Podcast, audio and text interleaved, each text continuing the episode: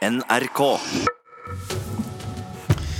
Men før den tid så skal vi snakke om rettssaken mot filmprodusenten Harvey Weinstein som startet i New York i går. Han er altså da tiltalt for to voldtekter og risikerer mange år i fengsel dersom han blir kjent eh, skyldig.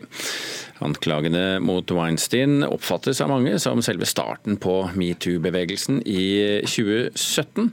Og det skal du få høre mer om nå. Dear Harvey, no matter what lies you tell yourself, you did this. Kjære Harvey, uansett hvilke løgner du forteller deg selv, så gjorde du dette. Det sa skuespiller Rose McGowan da rettssaken mot Harvey Weinstein startet i New York i går. Filmprodusenten møtte i 2017 alvorlige anklager fra mer enn 100 kvinner for alt fra seksuell trakassering til voldtekt. Og det var disse anklagene som startet det som har blitt den verdensomspennende kampanjen Metoo. McOwen er en av kvinnene som har anklaget filmprodusenten, og mener rettssaken som nå har startet mot ham, betyr mye for alle kvinnene som vitner mot ham. The trial means so much to so many, but it will mean the most to the brave women testifying and to all of us silence breakers. Weinstein er tiltalt for å ha voldtatt en kvinne på et hotellrom i 2013, og for å ha tvunget til seg oralsex med en annen kvinne i 2006. Weinstein selv nekter straffskyld for seksuelle overgrep og trakassering, og sier enhver seksuell aktivitet var frivillig og med samtykke. Rettssaken, som er ventet å vare i seks uker, starter med å velge ut en jury. Weinsteins forsvarer Donna Rotunno ville etter første rettsdag minne om at han er uskyldig inntil det motsatte er bevist, og at det enda ikke er lagt fram noen bevis for verken domstol eller jury.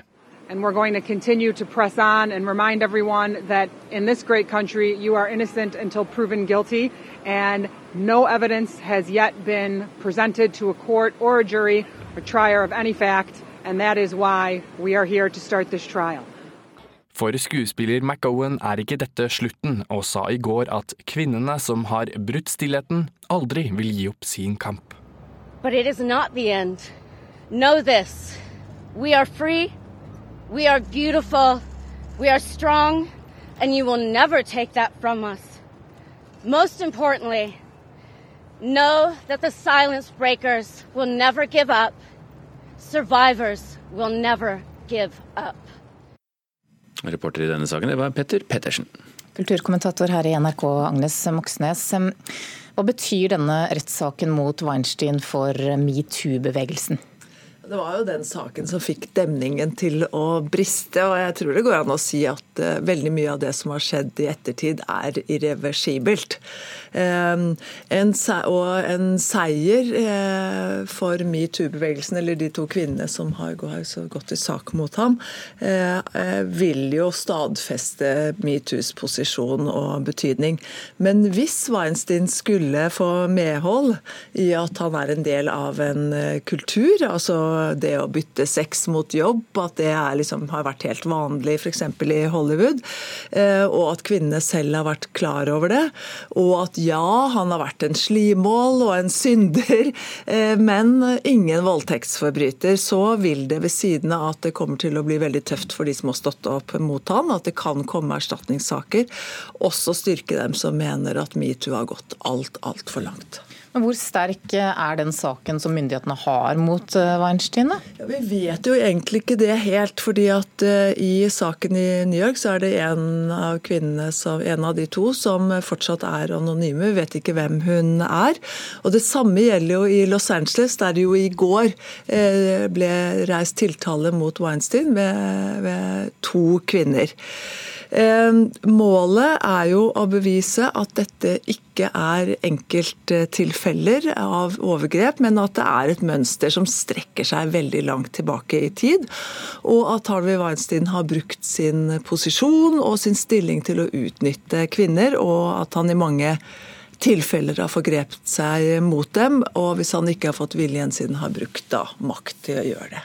Så hører vi at, tar, at de bruker lang tid på å finne en jury. Hva er grunnen til det? Ja, altså Det å finne nøytrale jurymedlemmer i denne saken, her, det er jammen meg ikke lett. For det er jo en sak som har preget mediebildet, særlig da i USA, i to år. Eh, og eh, man må jo stukket hodet grundig og dypt ned i sanden hvis man ikke har fått med seg det. Eh, for akt aktoratet og forsvaret, forsvare, forsvaret, så er det selvfølgelig veldig veldig viktig at de har kontroll på jurymedlemmene og deres holdninger. For dette er jo en sak som handler veldig mye om holdninger. Eh, de startet med en gruppe på 2000 eh, potensielle jurymedlemmer. Nå er det nede i 500.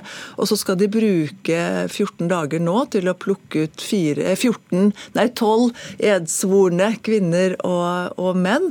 og, og seks stykker da i, i tillegg. Og, og, det er mange som mener at juryen i dette tilfellet er eh, usedvanlig viktig.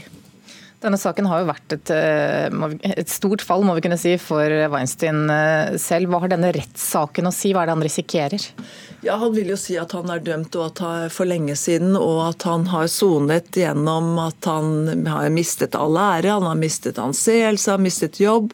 Eh, inntektene er blitt borte, venner er blitt borte, ekteskapet har gått i oppløsning osv. osv. Eh, hvis aktoratet får medhold i at dette er et mønster, altså at han er en, overgrep, en notorisk overgriper, eh, så kan han få en livstidsdom. Og i tillegg så kom jo denne saken i Los Angeles opp i, i går, der maksimumsstraffen er 28 år. Eh, så det er mye som står på spill også for eh, Harvey Weinstein. Okay, vi følger med. Takk skal du ha, kulturkommentator her i NRK, Agnes Moxnes. Nå skal vi snakke om Picasso, fordi eh, suite 347 er en av eh, Pablo Picassos mest omdiskuterte kunstserier. Den er blitt kritisert, også sensurert faktisk, og nå vises eh, bildene på Henny Onsdag kunstsenter. Mona Palle Bjerke, kunstkritiker her i NRK. Skal vi gå rett i kjernen først og bare snakke om hva som i sin tid gjorde at disse bildene ble så reagert så sterkt på? Mm. Da disse ble lagd i 1968, dette er jo da 347 140 grafiske trykk. Eh, ja, som ja. da er eh, laget på 200 dager, da han var 87 år gammel. Og det, de vekket veldig sterke reaksjoner i 1968, eh, fordi de hadde dette eksplisitte seksuelle innholdet. Eh, og Det ble da diskutert om det var i det hele tatt forsvarlig å vise det offentlige. Opp gjennom årene så har mange valgt å utelate disse bildene fra f.eks. store retrospektive utstillinger med Picasso. Blant annet da i New York i 1980 på MoMA så var ikke denne serien med. Men i 1981 så viste serien på Høvikodden, og da prøvde de å komme kritikken i forkjøpet med et slags forsvarsskrift i eh, katalogen. Men selv da så ble det også en, en stor debatt. Og jeg har jo hørt helt opp til vår tid at man har snakket om denne serien som pornografisk, og også Picasso som en gammel kåt gris, da, fordi han var så gammel da han lagde disse bildene. Og dette med alder og svinnende manndom, det er jo noe han også tematiserer faktisk selv i bildene, som f.eks. i det litt sånn hjerteskjærende bildet 25.3.1968, der han tegner seg selv inn som en litt sånn kortvokst gamling med eh, hår på ryggen og stokk foran en svulmende ung kvinne med store lår og praktfulle pupper. Mm. Eh, hvor sjokkert ble du selv? Jeg ble ikke særlig sjokkert.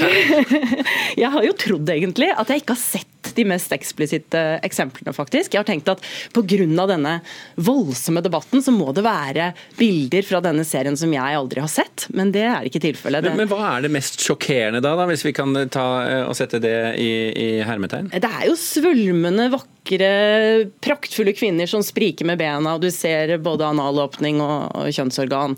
Eh, men det er ikke noen penetrering eller noe sånt som man egentlig kanskje skulle kalle pornografisk. Jeg tror ikke det er så veldig egnet til verken å sjokkere eller penis her og der, kanskje? Ja, ja. Men det er, ikke, det er, ikke, veldig opprørende i dag. Det er rart at dette kunne skape en debatt så sent som 1980-tallet. Altså. Men, men, hva er det han ville med denne serien, da? Ja, dette er en mektig visuell refleksjon over Picassos eget liv.